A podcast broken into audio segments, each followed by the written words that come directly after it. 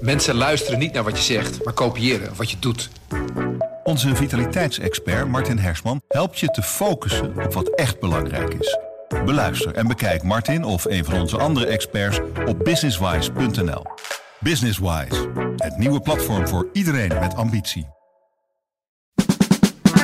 Dit is de podcast Politiek Dichtbij. Met Tobias den Hartog en Thomas Brouwer. De politieke campagnes beginnen langzaam op gang te komen. Nog een kleine maand en we kunnen stemmen voor de provinciale staten en de waterschappen.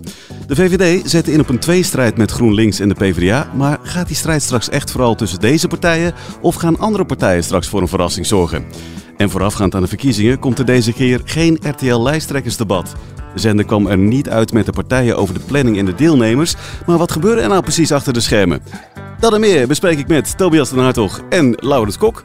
Ja, Laurens, die verkiezingen die komen er dus aan. Uh, zit je nou al helemaal in de campagnemodus? Ben je je nu al helemaal aan het voorbereiden op... Uh... Ik kom daar wel in nu. Ja? ja? Hoe zien die weken er voor jou dan uit? Nou, dat er, uh, je ziet dat partijen die doorgaans best met elkaar door één deur kunnen dat die opeens heel erg de verschillen, uh, onderlinge verschillen gaan benadrukken. Daar kun je het heel goed op zien dat we nu echt in een campagnemodus uh, geraken. Ja, Tobias, ben je nou hier met je dienstauto heen gekomen of uh, ben je met je eigen auto hierheen gescheurd? Ja, ik zou zeggen de fiets. Nee, met de eigen auto, eigen vervoer. Ja, nee, helaas. Nee, je, je, je, je refereert aan minister Frank Weerwind van Rechtsbescherming D66. Ja, die was burgemeester van Almere hiervoor, voordat hij minister werd. En van 2015 tot 2021. Maar die heeft in ieder geval vanaf 2017. Het lijkt erop jaarlijks meer uh, privékilometers gemaakt met zijn dienstauto uh, dan mocht. Je mag tot een bepaald aantal kilometers, maar hij, hij reisde verder dan dat. En ja, dat is nu aan het licht gekomen. Want was een onderzoek naar integriteit in de gemeente Almere. En daar kwam dit uit naar voren. Ja, hij zegt zelf dat hij het niet wist. Maar de verdediging is wel een beetje raar. Want hij zegt, ja, ik heb overzichten gegeven aan de gemeente van de privékilometers die ik heb gemaakt. Waarmee er dus ofwel op het gemeentehuis geen belletjes gaan rinkelen van jongens, uh, meneer rijdt steeds naar Friesland en dat is helemaal niet de bedoeling. Of ja, het was, hem, het was hem wel duidelijk dat hij iets deed wat eigenlijk niet mocht. Maar dat hij dacht dat het melden ervan dan voldoende was of zo. Dus nou ja, we kunnen hem allemaal niet vragen, want hij zit ziek thuis. Dat, uh, uh, ja, dat komt even goed uit dan. Ja, dat klinkt als schoolziek, hè? maar het schijnt, het schijnt dat hij echt wel ziek was daarvoor al. Maar ja, goed, dat, dat zul je nooit weten. maar het is wel een ja, minister van Rechtsbescherming. Hè? Het is wel ja. lastig. Ik moest gelijk denken aan uh, Kover Daas. de kort... Neem ons mee in het verleden. Ja, Daas. Die kortstondig staatssecretaris was namens de PvdA. In het kabinet Rutte 2 was het, geloof ik. Ja, dat zou kunnen, denk ik. En hij was net benoemd. En toen werd dus ook duidelijk dat hij als gedeputeerde in Gelderland had, nou ja, achter had gehouden dat uh, hij eigenlijk ergens ander, anders woonde dan die had opgegeven. Uh, en dat werd dus uh, in de Gelderse Staten hoog opgespeeld. Want zo kon hij heel veel reiskosten declareren. Nou, dat bleek achteraf wel mee te vallen. Alleen, maar hij was er niet eerlijk over geweest. En dat was het grote punt. En uiteindelijk kostte hem dat toch de kop. Dus hij is toen vertrokken. Dus dat is ook wel waar ik, waar, waarbij ik vanochtend dacht van, nou, uh, dit, is, uh, dit kan nog wel eens een, uh, een, een gure wind worden voor weer. Ophef. Ja, maar, maar, Laurens doet mijn declaraties, hè? Dus ik, ik, kan, ik moet ook niet, ik moet voorzichtig zijn, hè? Nee, dat is waar. Ja, dat is waar. Maar daar hebben we het na de uitzending nog wel even over.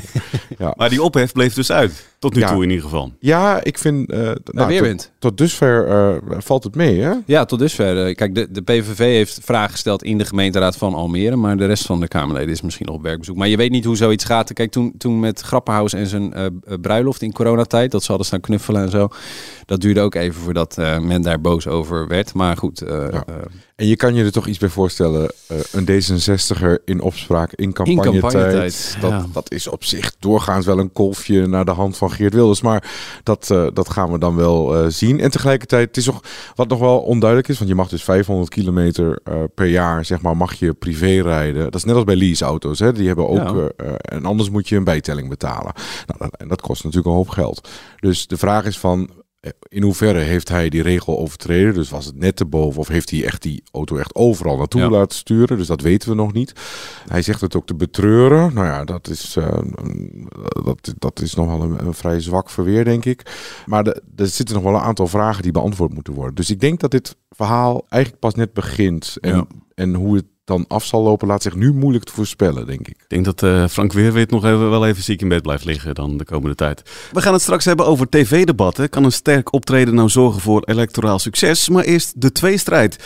De VVD die waarschuwt voor de linkse wolk en de tandem van GroenLinks en de PvdA... die wijst op haar beurt weer naar het gevaar van het rechtse beleid van Rutte één groep nu echt zich uh, gedragen als vandaal, dan vind ik het wel GroenLinks. En door dit nu zomaar te roepen zonder te kijken wat de consequentie is voor de hardwerkende Nederlander die echt zijn best doet om zijn hoofd boven water te houden met hoge inflatie, dan vind ik het wel vandalisme op het huishoudboekje van de gemiddelde Nederlander. Ik hoor steeds vaker VVD'ers best groen praten, maar het is greenwashing. Het enige klimaat waar de VVD zich echt zorgen over maakt, dat is het klimaat in een wijnkel dat Shell 38 miljard winst geboekt heeft. Ja, dat is een absurd bedrag inderdaad. Wij kunnen er wat van vinden. Ik kan me nog herinneren dat de heer Thijssen een tweetje plaatste... toen Shell aangaf het hoofdkantoor naar het Verenigd Koninkrijk te verplaatsen... dat hij blij was dat Shell weg was. Ja, was het hoofdkantoor in Nederland beland, dan hadden we misschien iets kunnen doen met die 38 miljard, maar nu kan dat niet meer. Dus uh, heel slim vind ik het niet, maar uh, de VVD voert voor ons een uitstekende campagne. Dus uh, ik wil ze bij deze bedanken. Het scheelt ons weer heel veel geld, dus ga vooral zo door. Ja, heen en weer worden al wat, uh, wat verwijten geplaatst. Wordt de twist een beetje opgepookt. Ja, mooi. Hè? Dat is echt een playbook. Dus je hebt uh, even terug, uh, een week wat geleden, de aftrap van, van Rutte en Edith Schippers met een dubbel interview in de Telegraaf. Waarin ze zeiden, we willen openen de aanval op de linkse wolk van GroenLinks en PvdA. Zegt, een gevaar in het land gaat tientallen, of nou, gaat in ieder geval een aantal belastingen verhogen. Gaat jullie heel veel geld kosten als jullie op links stemmen. En dan zie je de Kamerleden in de weken daarna, in de debatten en in de tv-studio's, zie je dat uh, ja, proberen ze die lijn zo door te, door te duwen om die, om die tweestrijd uh, echt te gaan laten vliegen. Wat overigens niet echt lukt. En waarom lukt dat dan niet? Ja, omdat er meer is dan de economie. Hè? Dus de, er is ook gewoon op uh, het gebied van asiel en op het gebied van stikstof is er heel veel gaande. Woningbouw is ook nog steeds een item. Uh, asiel is ook een item. En ja, het, het lukt dus niet, het lukt de VVD dus niet helemaal. Uh, en GroenLinks die bood ook weerwoord. Hè? Dus die wilde het ook over de vermogensverdeling in het land hebben en zo. Hè? Dus voor beide was dit een, een, een, onderwerp waar ze lekker op konden scoren en lekker tegen elkaar in konden gaan. Maar ja, er is meer onder de zon. Hè? En ik vind het, vind het wel heel vroeg om te zeggen, omdat het niet lukt. Nee, we hebben nog een maand. We hebben nog een maand. Maar ik, ik, even de tussen, tussenstand. tussenstand. Hè, ja, nou, omdat uh, je kunt er nog niet zeggen dat het niet lukt, vind ik. Dus het is een beetje van, we zitten een beetje... Klaar u nader. Waar zitten we naar te kijken? Want uh, je ziet ook wel in een aantal peilingen... Hè, we zitten nu allemaal naar de peilingen te, te staren als ware piskijkers van het Binnenhof. En dan zie je toch wel dat de combinatie PvdA-GroenLinks... in ieder geval in de peiling van INO van de week... dan zie je dus dat die wel wat extra uh, stemmen vergaren. Vooral, en die komen vooral van, van wat linksere partijen. Dus die denken van, oh, dat is toch wel goed dat er een groter linkse blok is om als tegenwicht tegen rechts. Dus in dat opzicht kun je zeggen dat werkt. Het is ook opvallend om te zien dat vooral de PvdA daarvan profiteert en GroenLinks niet. Dus dat kan ook altijd weer, is altijd goed voor spanningen natuurlijk, dit soort dingen. Ja, want vaak is het zo dat als de ene dan veel groter wordt, dat die samenwerking dan opeens weer op losse schroeven komt te staan. Ja, hè? dat is waar. En aan de andere kant zie je dat de VVD eigenlijk nog onbedreigd aan kop gaat als het gaat om van welke partij wordt straks de grootste tijdens de statenverkiezingen en vervolgens ook hè, de getrapte verkiezing naar de Eerste Kamer. Dus uh, je ziet wel dat die twee zich samen aan kop nestelen. Maar je kunt nog niet zeggen van ze nemen echt flink afstand van de rest. Dus, en dat is natuurlijk wat je bij een tweestrijd moet krijgen, is dat het uiteindelijk dat het echt ten koste gaat van heel veel andere partijen. En dat zien we denk ik nog niet. En de vraag is of dat, zich nog, uh, dat scenario zich nog gaat ontvouwen. En hoe zouden ze dat dan nu nog wel voor elkaar kunnen krijgen? Nou, kijk, weet je wat werkt om zo'n tweestrijd te creëren? Als uh, media, zoals wij, hier vooral heel veel aandacht aan besteden. Want dat is precies, uh, en dat is ook wel een beetje de valkuil waar wij elke keer naar moeten goed ons moeten realiseren, is dat hoe vaker wij het hebben over de tweestrijd, hoe meer dat ook tussen de oren van, van mensen gaat zitten die onze krant of die podcast luisteren of die onze website lezen. Uh, dus, dus dat is ook wel een beetje, uh, media laten zich daarmee ook wel eens uh, het hoofd op hol brengen. En, en dit, nou ja, het is ook goed om de ballon door te prikken, want er is nu nog geen tweestrijd. Dus in zoverre ben ik ook wel met Tobias eens. En toch hebben we het nu alweer even Ja, we hebben het weer een paar keer genoemd. Ja, ja. allemaal ja. streepjes achter onze naam. Dat is niet goed. We kunnen een bonnetje sturen naar uh, PvdA en, en de VVD. Laten we het declareren. Ja, zeker, zeker. Als we dan even kijken naar die andere partijen. Hè, want die maken zich toch wel ook wel een beetje zorgen. Ik bedoel, die hebben zich bijvoorbeeld het CDA. Die sprak zijn geluid. Deze nep-tweestrijd. Dat gaat ons misschien wel, wel zetels kosten. Laten we ons vooral niet door dit laten afleiden. Hoe gaat het dan nu met het CDA? Nou, krekels, hoor je het? Ja. Krekels. Ja. Het gaat niet goed met het CDA. Dat, uh, maar dat, dat, dat weten ze zelf ook, dat het niet goed gaat met het CDA. Ik vind dat ze tot nu toe wel een vrij assertieve campagne voeren. Uh, ze zijn veel in de media. Ze hebben wel met bepaalde punten waarvan je denkt van, nou, dat hebben we eerder gehoord. We hebben nu voor de 26e keer een pleidooi voor de dienstplicht uh, gehoord. Dus nou ja, ik, volgens mij hebben we daar acht jaar geleden al een keer de krant ook een stuk over gehad. Dus nou, zo gaat dat dan door. Maar ook um, uh, vooral migratie, dat, is wel, dat vind ik het opvallende, dat ze zich daar heel erg op roeren. Um, want migratie is natuurlijk een mijnenveld in deze coalitie. En migratie is ook een heel erg VVD-thema. En wat doet het CDA? Die probeert nu de VVD rechts in te halen met pleidooien voor. Er moet een hek komen om Europa. Hè, daar moeten we voor zorgen. En ook, we moeten de vluchtelingenstatus uh, die we nu uitdelen, die moeten we maar eens goed bekijken. Zodat er ook minder mensen hier langer mogen blijven. En dat zijn thema's waar de VVD, nou, die, die vinden dat eigenlijk ook. Alleen, er was een soort van afspraak binnen de coalitie van... jongens, laten we elkaar nou heel houden. Laten we elkaar daar nou niet erg op bestoken... want we moeten hier nog samen mee verder. En straks uh, wordt er zoveel kwaad uh, bloed gezet... Uh, dat we daar niet meer uitkomen. En ik begreep ook dat van de week Rutte heel boos is geweest... dat hij na, na aanleiding van die uitlatingen van die CDA'ers om dit te doen van... ja dit was toch niet de afspraak. Maar dat komt ook dus in zijn eigen belang. Want Rutte is natuurlijk op pad gestuurd door zijn eigen VVD van om ja. de asielmigratie naar beneden te krijgen. Nou, dus dit is een, een, nou, dit is een enorm boeiend schouwspel. Je ziet dus CDA, die hebben niet zoveel te verliezen. Dus die zoeken gewoon de randen op. En die komen gewoon uh, voortdurend met voorstellen om te zorgen dat zij toch nog bij die provinciale statenverkiezingen niet zo worden afgeslacht als misschien uh, wordt gevreesd nu. Ligt voor het CDA echt ook de ruimte dan aan de rechterkant? Zijn daar de stemmen te winnen? Ja. Nou, en het gevaar ligt ook aan de rechterkant. Hè. Kijk, BBB en Ja21 zijn allebei gepositioneerd eigenlijk een soort populistisch rechts, zeg maar, van, hè, dat vinden ze zelf ook geen vies woord volgens mij, dus rechts van de VVD en het CDA. En het CDA heeft daar dus ook, nou ja, daar, dreigt wel gevaar. Op het moment dat, dat, uh, dat het CDA op asiel bijvoorbeeld gas terug zou nemen, ja, dat is een gat waar jij in het 20 met alle plezier inspringt. Hè? En het kleeft meer, inderdaad, wat, wat Louder zegt dat die migratieaantallen hoog zijn, kleeft meer nog aan Rutte. Hè? Die, die is zeg maar de uitvoerder. Joh, lever nou eens een keer. En dat kleeft nog niet zo aan het CDA. Dus die hebben, die hebben daar wel wat, uh, wat speelruimte. En ja, ook wel wat noodzaak om daar uh, ruimte te pakken. En wat lastig is, als het CDA over migratie begint, dat is natuurlijk, dat speelt weer een partij als Ja 21 in de kaart. Dat is weer een belangrijke geduchte tegenstander van de VVD. Uh, want waar wil het CDA het liever niet over hebben? Op dit moment, dat is stikstof. Ja. Hè? Want dat is weer waar zij heel uh, uh, gevoelig zijn. zijn. Want ja. daar voelen ze uh, de hete adem van BBB in, in de nek. En je ziet dus ook dat afgelopen periode, we hebben die stikstofbrief gehad. En dan gaat het ook iets meer over stikstof. Dan zie je ook gelijk dat BBB weer wat stijgt in de peilingen. En dat gaat weer ten koste van jaar 21. En je ziet nu dat het CDA probeert dat terug te duwen door migratie een, een gespreksthema te maken. Zodat Rutte daar ook zeg maar vragen over krijgt. En dat, dat, ook, nou, dat de VVD daar ook kritisch over wordt bevraagd, omdat dat weer voor jaar 21 natuurlijk uh, daar weer kansen geeft om te zorgen dat het debat daarover wordt gevoerd. Dus dat is wel heel boeiend om te zien. Nog even terug naar je eerste vraag. Waarom kiest CDA uh, voor de rechterkant? Dat doen ze altijd tijdens verkiezingen. Het kader van het CDA is natuurlijk altijd wat meer uh, nou, middle of the road. Uh, je zou kunnen zeggen wat socialer. maar de kiezers in Nederland, in meerderheid zitten mensen toch in het midden of net rechts daarvan. Dat, dat is de grootste groep. Dus daar vinden, kunnen ze gewoon de meeste mensen vinden. Dus altijd zie je bij een, campagne dat CDA uiteindelijk altijd met een aantal rechtse thema's de boer op gaat om daar uh, kiezers te, te verzamelen. Ja, als ik het zo hoor, is het echt, uh, zijn het weken vol uh, campagnetactiek. De, de spindokters die draaien overhuren. Ja, in het verleden hebben we wel, hadden we een aantal bekende spindokters. Die kwamen ook in, aan de talkshowtafels. Uh, zien we dat nu ook? Nee, eigenlijk niet. Ik denk dat de meesten doen alsof ze niet bestaan tegenwoordig. Waar is die spindokter gebleven dan? Ze zijn er nog ja, wel, neem ze zijn er wel, zeker. En ze zijn ook allemaal niet ververst hoor. Dus ze zijn ook nog altijd hetzelfde. Maar...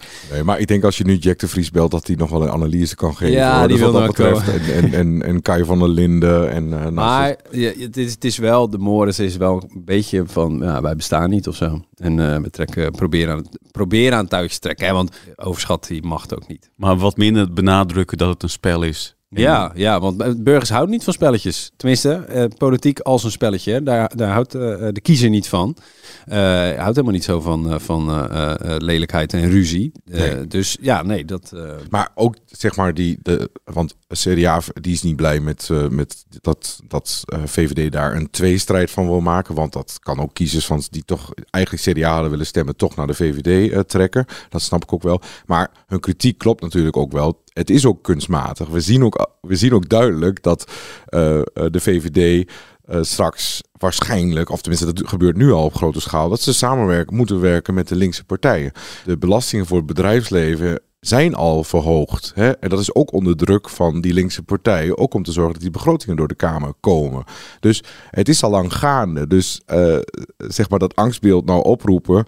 En tegelijkertijd doe je er dan zaken mee. Dat is, dat, ja, je kunt inderdaad wel zeggen dat is niet heel geloofwaardig. Voor wie het uh, waarschijnlijk ook wel, of misschien ook wel negatief gaat uitpakken, is voor D66 omdat zeg maar, die, die linkse kiezer, die hiervoor misschien nog wel ging voor de sterke leider, hè, nieuw leiderschap met Sigrid Kaag, dat die nu ook wegtrekt bij die partij. Uh, nou ja, D66 heeft het voordeel, zou je kunnen zeggen, dat zij uh, bij de vorige Eerste Kamerverkiezingen niet een hele goede uitslag hadden. Zeven zetels. Ja, en in de peilingen zie je ook dat ze dat ongeveer zouden kunnen houden. Nou, uh, zeven zetels in de Eerste Kamer. Even heel ruw, maar doe die maal twee. Dan heb je Tweede Kamerzetels. Dan zou je ze hebben over veertien. Dat is uh, veel minder dan uh, de 24 die ze nu hebben in de Tweede Kamer. Hè. Dus ze staan wat dat betreft wel op verlies landelijk. In vergelijking met twee jaar geleden Tweede Kamerverkiezingen. Um, D66 probeert vooral een campagne te maken. Uh, enerzijds door zich te positioneren als uh, de aan de goede kant tegenover de anti-rechtsstatelijke partijen. Dus uh, daar zijn ze in januari al mee begonnen. Door uit te halen naar Forum en Forum voor Democratie, naar de PVV. je ziet ook dat, dat gaan we ongetwijfeld nog zien. Hè, want je ziet nu al van de samenwerking op provinciaal niveau met de PVV en FVD. VVD en CDA in Limburg sluiten dat niet uit. Nou, dan, dan, dan zul je daar reactie van zien vanuit D66. Want die vinden dat natuurlijk onbestaanbaar dat, dat, uh, dat die twee partijen dat toch weer zouden doen. En de andere waar D66 zich toch goed tegen af kan zetten, is ook BBB. Want uh, dat zijn ook een beetje, het is een beetje water en vuur. In BBB-kringen is de minst populaire politicus van Nederland, is denk ik wel Tjeerd de Groot. Uh, dat is het D66-Kamerlid dat uh, in onze krant, in het AD, een paar jaar geleden voor het eerst een landsbrak om te zeggen van eh, de veestapel moet gehalveerd worden. En dat is uh, zoveel mensen, uh, zeker in het boerenland, boerenachterland, in een verkeerde keelgat gesto gestoken. Dat je ook, je ziet ook zijn afbeeldingen ook op, ja, naast die omgekeerde vlaggen staan. hij wordt daar intens gehaat. en tegelijkertijd, het is ook omdat ze dan tegenpolen zijn, kan het ook weer je sterkte zijn als je elkaar opzoekt. Want er zijn ook mensen die vinden van, we moeten vooral die door met die stikstofmaatregelen. Dus nou ja, dat is een beetje de strategie.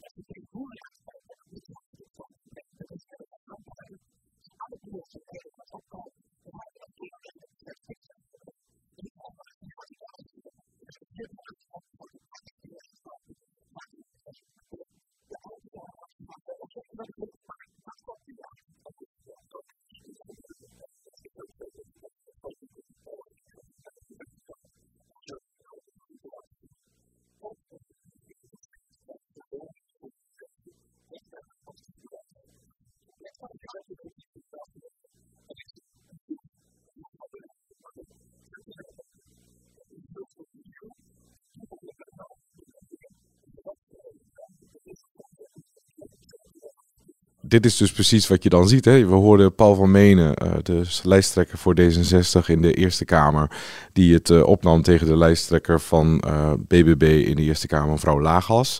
Ja, hier botsen zij toch heel erg, omdat D66 heeft een, een, een boodschap van, ja, BBB die hangt alleen maar aan de rem, die draait mensen een rad voor ogen, want we hebben al heel vaak geprobeerd om dat stikstofbeleid te veranderen, om het iets minder te doen, maar elke keer worden we teruggefloten door de rechter. We moeten nu gewoon hier uh, stappen mee zetten. En uh, dan helpt het niet als een partij, hè, zegt D66, kiezers een rad voor ogen draait. Um, dus daar gaan ze er toch stevig in. En ik denk dat we dat ook nog wel meer gaan zien. BBB, dat is natuurlijk een van de waarvan verwacht wordt dat het een van de grote winnaars gaat worden van de komende verkiezingen. Volgens peilingen vanuit niets op acht zetels. Wat zeggen die peilingen nou precies? Moeten we echt rekening houden met een grote BBB-fractie dadelijk? Ja en nee. BBB gaat ongetwijfeld zetels winnen. Want nou, ze doen voor het eerst mee. Dus, en ze hebben een consistente aanhang verworven. zie je ook in de peilingen dat daar gewoon...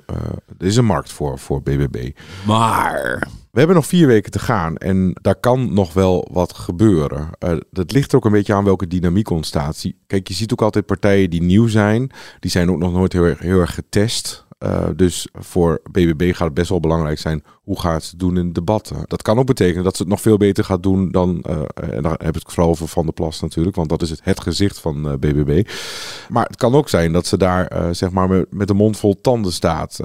kijk, we hebben, iedereen weet nog wel Emiel Roemen, toch? De SP-leider. Nou ja. Nou, laten we even naar luisteren. Leg mij en Nederland nou eens uit waarom u nou zo voor het verhogen van het eigen risico bent dan leg ik ernaar uit waarom ik dat een heel onverstandig idee vind. Ik ben niet voor het verhogen van het eigen risico. Staat gewoon in het verkiezingsprogramma. Nee, in het koendersprogramma. Nee. Staat er gewoon in. Ja, en toen stond uh, Roemen mond zich op. Maar die had die was eigenlijk met stomheid geslagen dat Rutte dit durfde te beweren. Waardoor hij helemaal uit het veld geslagen was. En uh, Roemer stond er op dat moment heel goed voor.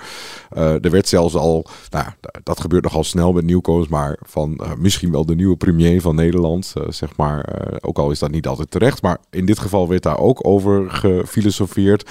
Dan zie je ook dat zo'n leider zich daardoor dat ook een beetje laat aanleunen. En, en tegelijk. En dan, maar dan gaan ook de verwachtingen van mensen omhoog. Zo van, nou, moet dit de nieuwe premier zijn van Nederland? Dan moet je het dus ook wel heel goed doen. En als je dan met een mond vol tanden komt te staan in zo'n debat, ja, dan kan opeens het hele sprookje aan dichtelen gaan. En dat hebben we toen ook gezien. Uh, niet dat Roemer helemaal geen zitters meer heeft gehaald, maar uh, hij heeft er veel minder gehaald. Uh, 15 ja. geloof ik, in plaats van dat hij boven de 25 stond. Nou, dat is nogal een verschil, hè? Ja, ik ga dit, dit hele pleidooi even helemaal helemaal kapot analyseren. Nee, is niet waar. nee, maar wat leuk is aan dit, aan dit fragment is... Kijk, Roemer stond er inderdaad als een soort premiersuitdager. Staat met een mond vol tanden de, mensen denken ineens, dat is raar. Maar als je, als je het even terugkijkt, hè, de, het aantal mensen dat die avond keek, was kleiner dan twee zetels in de Tweede Kamer. Dus het is, het is vooral het begin, en da, daar heeft Laurens natuurlijk helemaal gelijk, het is vooral het begin, het zaadje dat geplant wordt in het hoofd van mensen van, shit, is het wel een goede keuze? En als dat een vliegwiel-effect krijgt, hè, ook door de media-aandacht en zo van, oh, is Roemer wel de juiste man? Kijk, dan gaat het leven. Dan krijgt het gewoon tractie en dan gaan, gaat het echt nestelen bij kiezers van oké, misschien toch niet SP. gaan andere partijen daar ook op wijzen. Juist, juist, en dan wordt het echt een ding. En dat, dat gevaar ligt natuurlijk bij BBB, ligt bij alle partijen, maar het ligt altijd op de loer. Je moet, je moet dat niet tegen je krijgen. En je moet ook vooral tot het bittere eind succes uitstralen, volgens mij. Hè? Dus uh, wat, wat die voorzitter van uh, het CDA deed bij het congres, dat is eigenlijk zo van, nou, Claim je succes tot het tegendeel waar is. Zelfvertrouwen groeit hè, in het CDA. Begin van deze week goede peilingen. Ik, uh, ik, uh, ik roep al drie maanden niet naar de peilingen kijken, maar van de week even gekeken. Uh, daarna niet meer. Donderdag een toprapport. Donderdag toprapport. Vandaag Wopke in de Telegraaf. Het zelfvertrouwen groeit in het CDA. Dat wil ik even horen. Dus bij drie wil ik even wandelen. 1, 2, 3. Ja, partijvoorzitter Hans Heijbers. Ja, een soort Emiel Ratelband Chakkaat speech. Ja, hij, hij, het sla, ergens is het natuurlijk bijna ongeloofwaardig. Maar aan de andere kant, ja, straal je succes uit tot het tegendeel bewezen ja. is. Hè? Ja, dit was toch een beetje There are no Americans in Baghdad. Ja, uh, nou ja, goed. Ja. Het is... Uh, je moet het in ieder geval blijven volhouden. Je, maar, het, je wil kijk, niet in die spira negatieve spiraal precies, komen. dat wil je niet. Wat is het alternatief? Dat je daar al een beetje loopt te toppen, dat helpt natuurlijk ook niet. Ja, um, de peilingen zijn ook al niet best. Ja, nee, nee dan... Uh, nou goed, BBB en, die, die, staat dus, die gaat er dus uh, nou ja, met, met veel vertrouwen in. Die andere partij dan, ja, 21. Ja, die gingen best heel goed. En nu zie je dus, ook doordat die stikstofdiscussie weer wat wordt aangewakkerd, dat ze toch weer wat terrein prijsgeven. Want vraag, dat is niet hun. Dat is niet hun, hè, dat, dat is BBB-terrein. Uh, uh, maar als dus discussie uh, als die over asiel en migratie, als die toch wel weer opkomt, ja, dan kun je toch wel weer een verschuiving zien. Want dat is natuurlijk iets waar jaar 21 zich keihard op profileert. Dat is uh, hun onderwerp, net als de PVV trouwens. Maar ja, ik, ik denk wel dat dat, dat nog wel hen, uh, uh, daar zal het om gaan bij hen. Maar zullen we ook gelijk even de peilingen kapot, ja. kapot relativeren? Hè? Ja. Bij de, de, laatste Kamerverkiezingen zat, zaten de pijlers er zeven naast bij de D66, vijf naast bij PVV, bij GroenLinks drie. de hond deed het het beste en die, zat er, die had 22 afwijkingen. Dus alles relatief, toch, Um, Ja, uh, ik, ik ben hier wat anders in de leer. Um, heel, heel, graag. Uh, want ik vind het altijd heel gemakzuchtig. Zeg maar, oh, altijd de dag na de verkiezing. Iedereen zegt van ja, de pijlers zaten er weer naast. Dat is heel gemakzuchtig. Kijk, pijlers, die peilen een paar dagen van tevoren. Je weten allemaal dat een partij die het goed doet, omdat die toevallig in een soort opwaartse spiraal zit, die kan gewoon nog verder pieken naar, naar, naar boven. Uh, ander kan nog naar beneden. Uh, de uitkomst of de opkomst van, van uh, bepaalde kiezersgroepen, die speelt heel erg mee, ook bij de uitslag. Dus nou, dus daar zitten natuurlijk wel wat onzekerheden. Maar je ziet inderdaad wel dat de slotprognoses uh, soms wel heel erg ver van de werkelijkheid zitten. Ik, ik noem vooral uh, eh, 2019 provinciale staten uh, verkiezingen voor de PVV. En nou, die hadden dus een slotpeiling van 9,5 procent. En uiteindelijk kregen ze 6,9% En dat is dus een verschil van meer dan 2,5 procentpunt. Ja, dat is echt wel, uh, dat, dat, dat scheelt uh, uh, echt zetels. Hoeveel zetels scheelt dat dan? Nou, ze stonden dus in de peilingen op 7 tot 8 zetels en ze haalden er uiteindelijk maar 5. En dat is, ja, dat, dat, dat scheelt toch wel een slok op een borrel, zou je kunnen zeggen. Dus daar zit wel, er zitten echt wel grote onzekerheden op. En daar dat laat ook goed zien dat uh, het heel erg uitmaakt uh, uh, in hoeverre je in staat bent om je eigen achterban naar de stembus te krijgen. Mensen moeten gemotiveerd zijn om te zeggen van ja, hiervoor, voor, hiervoor ga ik naar de, de stembus, want dat is bij de provinciale statenverkiezingen gewoon minder het geval dan bij de Tweede Kamerverkiezingen. Toen hadden we een opkomst van bijna 80%. Nou, bij de statenverkiezingen zitten we altijd rond de, nou, nog niet eens 50. nee, 45 volgens mij, 48, ja. ja. Ja, dus, dus er zijn altijd veel thuisblijvers. Er zijn een aantal partijen die altijd gebaat zijn bij een lage opkomst. Uh, GroenLinks bijvoorbeeld heeft een heel trouw uh, uh, kiezerspubliek, dus die gaan veel.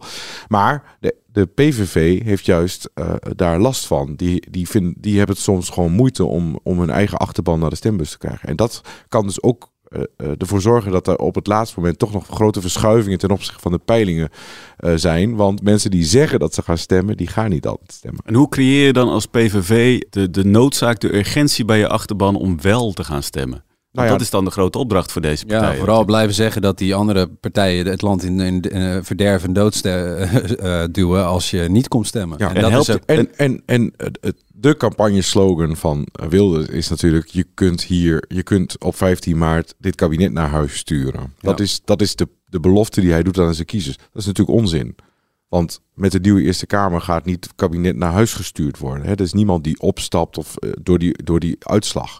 Wat wel zo is, is dat als uh, de coalitiepartijen uh, en aanvullend ook nog eens PvdA en GroenLinks, uh, eh, SGP, als die, zelfs, als die zelfs al samen geen meerderheid gaan halen, ja, dan komt er eigenlijk niks meer door die Senaat, uh, kun je je voorstellen. Want dat... de, eh, de wetten van de Tweede Kamer, Juist. die moeten door de Eerste Kamer en de Eerste Kamer kan dus een wet tegenhouden. En als je dus ja. geen meerderheid hebt ja. in de Eerste Kamer, dan wordt het heel lastig om je beleid uh, uit te kunnen voeren. Maar dat is ook het enige wat de Senaat kan. Ze kunnen een wet tegenhouden. Maar dat betekent ook vaak dat, stel jij wil de uitkering verhogen, waar de PVV ook voor is, uh, dan zou je dus. Uh, maar tegelijkertijd zit in zo'n wetsvoorstel ook iets uh, waarbij een andere belastingverhoging zit die je niet wil. Ja, als je dan tegenstemt, dan zorg je dus ook dat dat andere niet doorgaat. Dus dat is altijd wel een uitruil. Ja, dat speelt toch ook wel mee. Dat zag je van de week bij die studiefinanciering. Hè? we krijgen een nieuwe basisbeurs. Ja. En dan zie je dat uh, compensatie, daar is heel veel te doen over. Hè, van, dat is eigenlijk veel te weinig voor die uh, pechgeneratie. die kunnen dan iets van 1500 euro over vier jaar beurs krijgen, terugkrijgen. PvdA en GroenLinks stemmen uiteindelijk toch in uh, hiermee. Want als zij niet instemmen, uh, want nou, het moet ook nog door de Eerste Kamer, maar dit laat wel zien dat ze dat straks daar ook gaan doen, vermoed ik.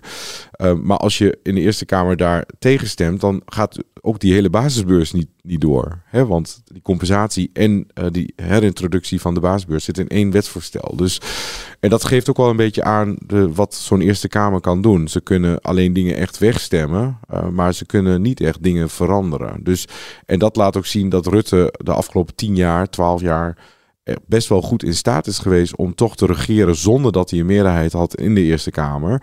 Omdat hij uiteindelijk altijd toch wel in slaagde om uh, andere partijen te vinden die uh, toch vonden van ja, maar dit willen wij ook. Nou, hoe kunnen we daar dan komen? En daardoor kwamen altijd die deals, deals tot stand. En daar is Rutte natuurlijk ook een meester in, in geweest om altijd weer met alternatieve bondjes tot een overeenkomst te komen. Ja, hij kan dat. Maar het lekkerste voor hem zou zijn natuurlijk als hij groter wordt in die Eerste Kamer. Want dan hoeft hij minder deeltjes te sluiten. Dan kan hij gewoon zijn beleid één op één door gaan voeren.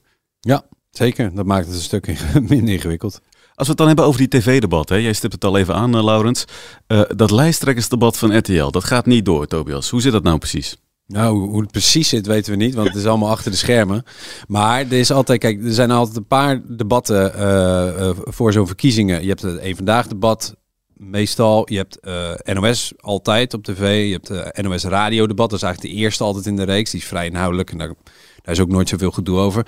Maar bij het RTL-debat gaat het vaak ook over de uh, vorm. Nou ja, er is wel gedoe over welke thema's en tegen wie mag ik één op één. Hè? Dat is altijd. Want hoe kan je je onderscheiden in zo'n debat? Dat is het liefste je tegenpol tegenover je en zoveel mogelijk airplay.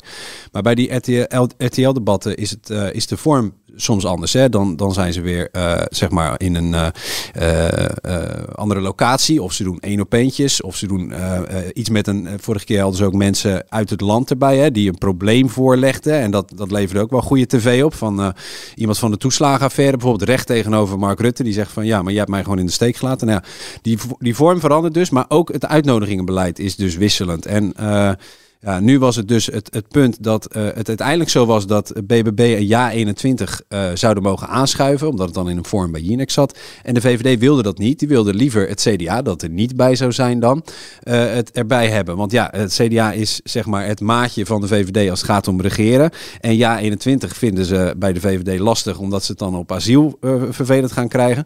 Dus ja, daar is, dan, daar is dan gedoe over. En dat komt dan naar buiten en daar hoor je dan de ja, de, de, de lijsttrekkers ook, uh, ook elkaar over uh, sneren. Mark, wat maak je me nou? Nou lees ik bij RTL Nieuws dat jij niet in debat zou willen met BBB.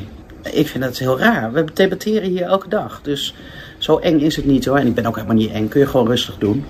En, uh, maar ik vind het wel een beetje raar dat nu de VVD lijkt weg te lopen. Weet je nog dat je zei, als je de zaken wil doen met BBB, lopen ze weg. Nou, ik loop niet weg. Ik ga echt graag met je in debat. Of met wie dan ook van de VVD. En uh, kom even naar het Boerburger Binnenhof. Drink een kopje koffie, dan uh, hebben we het er even over. Goed? Doei. Lekkere marketing dit, hè? Ja, dit, dit, beheerst hij toch als ze geen andere ja, ja, ja, ja. Maar het is ook een marketeer, dus wat dat betreft... Uh, ja, ja. Trekt het natuurlijk meteen naar zich toe. Maar het is toch ook wel typisch dat de VVD dus kennelijk kan bepalen... welke partijen aanschuiven bij zo'n gewoon groot verkiezingsdebat. Maar zo zwart-wit moet je het dus niet zien, hè? Het is altijd... Kijk, de, de, er zijn ook eh, debatten geweest dat Wilders zei dat hij niet kwam... en dan toch weer wel kwam. Weet je, het is niet zo dat de grootste partij of de VVD... daar als enige invloed op heeft. En je wil ook geen... Uh, stel dat je een tweestrijd hebt uh, uiteindelijk tussen PVV en, en, VVD en PVV zegt, wilde zegt, die komt niet. Ja, dan heeft het hele debat geen zin, weet je wel. Dus het hangt altijd af van de, van de spelers uh, en uh, dit soort dingen gebeuren altijd. Maar ja, dit is de lezing van de VVD en RTO heeft uiteindelijk gezegd, dan gaat het hele feestje niet door. Wat op ja. zich ook wel weer een sterk argument Dat vind ik ook, ja. ja. En je ziet het, dit keert elk jaar terug. En soms maken media zich, het zichzelf ook moeilijk door niet van tevoren, al ver van tevoren, spelregels aan te geven. En de, bij de NOS, uh, daar hebben ze ook vaak gezeur gehad. Maar daar hebben ze echt al een jaar van tevoren zeggen ze van op basis van deze criteria krijg je een uitnodiging. Want het is grootste partijen en hoe je staat in de... Ja, ja en dan een soort gewogen, gewogen gemiddelde maken ze daarvan. Uh, kijk, want ik snap ook wel, als jij een programma maakt en er is een nieuwe partij die één zetel in de Tweede Kamer heeft, zoals BBB, maar die kennelijk hoog in de peilingen staat, dan wil je die ook in actie zien op televisie. Hoe doet iemand het in het debat? En als je dan zou zeggen van nou, we gaan alleen op basis van de eh, zeteltal in de Tweede Kamer mensen uitnodigen, ja, dan zitten die er nooit bij. Dus en dat wil je als programma maken ook graag laten zien.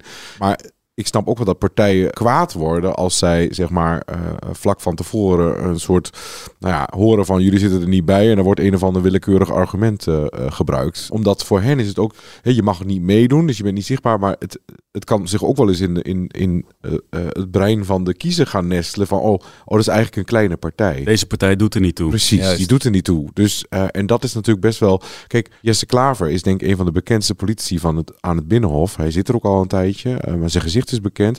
En die staat dan straks niet in zo'n uh, programma. Dus dat is voor zijn statuur natuurlijk niet heel goed. Ja, qua dat wil je er natuurlijk bij zitten. Maar jij zei al net al, hoeveel procent kijkt er nou eigenlijk naar zo'n debat, Tobias? Mm. Waarom vinden partijen dat dan toch zo belangrijk? Nou ja, kijk, als je de, de aanval inzet, uh, zeg een maand voor de verkiezingen, dat is je strategie, dat, dat is bepaald. Dan kun je daar wel ja, nog een paar laatste puntjes uitdelen. En er zijn heel veel mensen die op het allerlaatste moment toch hun stem bepalen. Hè. Dus die kijken wel naar dat allerlaatste slotdebat bijvoorbeeld. Die twijfelen tussen de een of de andere We hebben het wel over Tweede Kamerverkiezingen. Ik weet of, of, of bij de Provinciale Staatsverkiezingen dat in de hoofden van de mensen precies zo werkt. Maar er zijn toch wel mensen die kijken toch voor de laatste check nog even naar het slotdebat. En nou, als ze tussen twee mensen twijfelen, dan kan het net overhellen naar de een of de ander. Ja, dan is zo'n debat wel van belang. Maar het, het, moet niet, je moet niet je campagne op die debatten bouwen, want dan ga je nat. Maar zeker bij verkiezingen over uh, niet de Tweede Kamer, zoals nu met de Provinciale Statenverkiezingen, die debatten hebben echt iets heel erg geforceerd en ja. gemankeerd. Uh, je stemt niet eens op die mensen. je hebt landelijke mensen die zich gaan uitspreken voor provinciale verkiezingen. Ja, ja. En, en, en dat gaat over thema's. Uh, nou ja, ja, migratie. Ja, Kijk, uh, programma's doen op zich ook wel hun best om, om daar iets van te maken. Maar één vandaag gaat het over migratie hebben. Nou, in de Staten, je kunt ze veel verwijten, maar niet dat ze daar over het, asielbeleid gaan. Nee, zeker niet. Ze krijgen gewoon een taakopgave vanuit het Rijk. Dit is het. Uh, en, en daar moet je het mee doen. Dan kun je op je kop gaan staan, maar dat gaat echt niet... Uh... Dus dat heeft wel echt iets heel geforceerd. En dan kun je zeggen van, dat gaat dus vooral over de Eerste Kamer. Maar ja, dan ga je wel stap je zo over die provincies heen. Ja. Uh, ja, en de vraag is of je, of je dat als medium moet doen. Vaak leveren debatten toch wel uh, opmerkelijke fragmenten op. wanneer heeft u voor het laatst gehuild om iets dat in uw privéleven is gebeurd? Ik heb gehuild toen mijn vader overleed. Ik heb gehuild toen mijn uh, broer uh, overleed. Uh, ik heb gehuild toen recent mijn oudste zuster overleed. Dat zijn zeer emotionele momenten. En wanneer, wanneer was dat? De, uw zus, wanneer was dat het laatste? Vier jaar geleden. Vier maanden geleden. Gecondoleerd. Ja, dit uh, was een antwoord dat Baudet misschien toch niet helemaal had verwacht. Nee, en dat, is, dat, dat maakt dat. Maar dat is zelden bij een debat. Dat maakt het uh, onverwachts. Er gebeurt gewoon wel eens iets, net als Roemer destijds, dat iemand stilvalt of dat iemand ergens over na moet denken. Dat gebeurt heel soms. Hè, dat had je bij dat.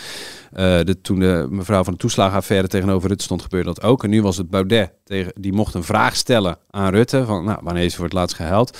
Ja, dan, wordt het, dan krijgt het een beetje een onverwachte dynamiek. Want vaak draaien ze toch gewoon hun eigen plaatje af over hun standpunten. En ja, dat maakt het nauwelijks de, het, het, ja, de moeite waard vaak. Ja, en wat hier echt atypisch is, is dat een uh, politiek leider een ander vraagt naar zijn privéleven. Ja.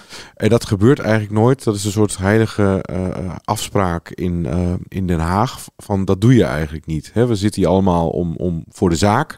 en niet voor ons eigen privéleven. En daar, nou ja, daar ga je elkaar ook niet op aanvallen of vragen over stellen. En daardoor was dit ook even dat je, dat je dacht van, dat, dat was dat vervreemdende, denk ik. Dat we allemaal huh? erva hier nou ja. ja. want zoiets van, op zich is het de hele, een journalist zou zo'n vraag best kunnen stellen, hè, van meneer Rutte, wanneer heeft u voor het laatst gehuild? Maar dat een collega, politiek leider, die vraag aan hem stelde, dat was wel... Uh, ja, bijzonder. Waar, kijken jullie nu nog naar uit bij dit soort televisiedebatten? Niet. Ik vind het echt uh, verschrikkelijk. Want we zitten tegen de deadline aan te tikken vaak. Hè. Je maakt voor de site natuurlijk, maar je wil ook in de krant vaak nog een stukje mee. En dan zit je dat debat te kijken en denk je, oh, dat hebben we nog al tien keer gehoord.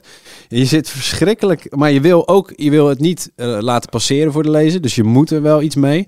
Ja, ik vind, ik, dat, ik vind dat echt altijd een van de meest leuke klusjes van ons ik werk ook. eigenlijk. Ja, dat ben ik helemaal met je eens. Professioneel, maar ook privé. Zeg maar, als ik nou gewoon als belang, politiek belangstellende. Je steekt er zo weinig van op. Hè? Dus, dus er komen altijd ingestudeerde one-liners langs. Of iemand komt nog een keer zijn puntje maken. Kijk, ik denk ook als je veel van politiek weet en volgt. Voor jou is dit debat niet. Het is voor mensen die eigenlijk niet zo uh, veel volgen. Ja.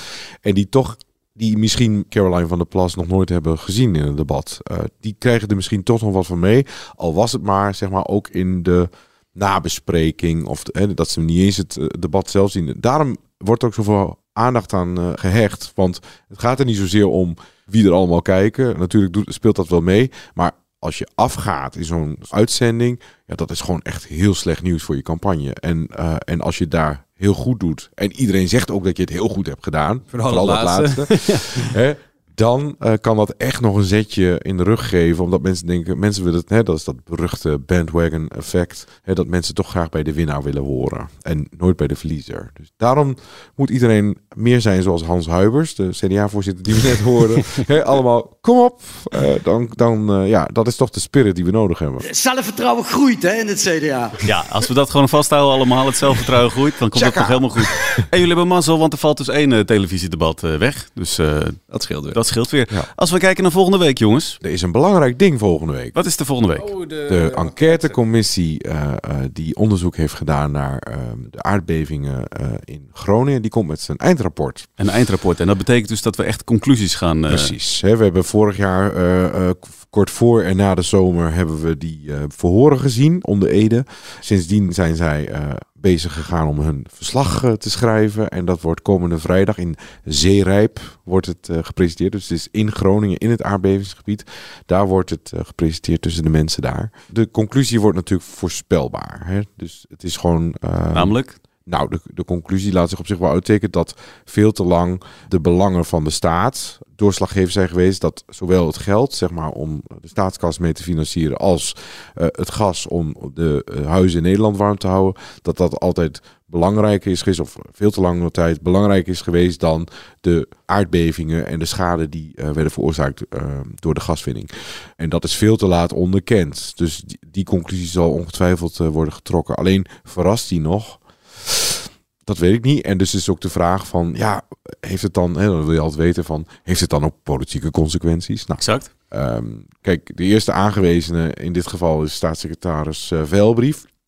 Nou, uh, collega Hans van Soes die heeft hem al gesproken, hè, van uh, al een tijdje geleden, van maar ook even gevraagd van, nou, hoe kijk je hier nou tegenaan? En hij zegt van, ja, uh, mijn tas staat al uh, bij de deur. Hij zegt eigenlijk van ja, ik kan ervoor opstappen. Ik hou daar gewoon rekening mee dat dat nodig is. Maar daarmee zegt hij eigenlijk ook van maar dat is misschien ook wel een te makkelijk gebaar. En is het nou handig dat, uh, je de, dat er weer een nieuwe moet komen? Want het probleem in Groningen blijft gewoon die herstelopgave en de versterking van de huizen. Dat blijft maar dat blijft echt toppen daarmee. Dat gaat gewoon niet snel genoeg. Uh, uh, en dat is ook waar mensen in Groningen natuurlijk het meeste last van hebben. Gewoon dat dat gewoon niet verbetert. En helpt het nu om een staatssecretaris zeg maar weg te sturen als een soort nou ja, symbolische val. En dan komt er weer iemand Terwijl anders. die net in de dossier zit. Precies. En dat het kabinet erop zou vallen, dat, dat, ik heb dat nog niet begrepen dat dat uh, in de hoofden zit. Maar ja, je weet het niet. We gaan het volgende week zien. Tot zover deze aflevering. Vind je dit nou een leuke podcast? Abonneer je dan. Dat kan via Spotify of Apple Podcast. En volgende week, dan zijn we er weer. Tot dan.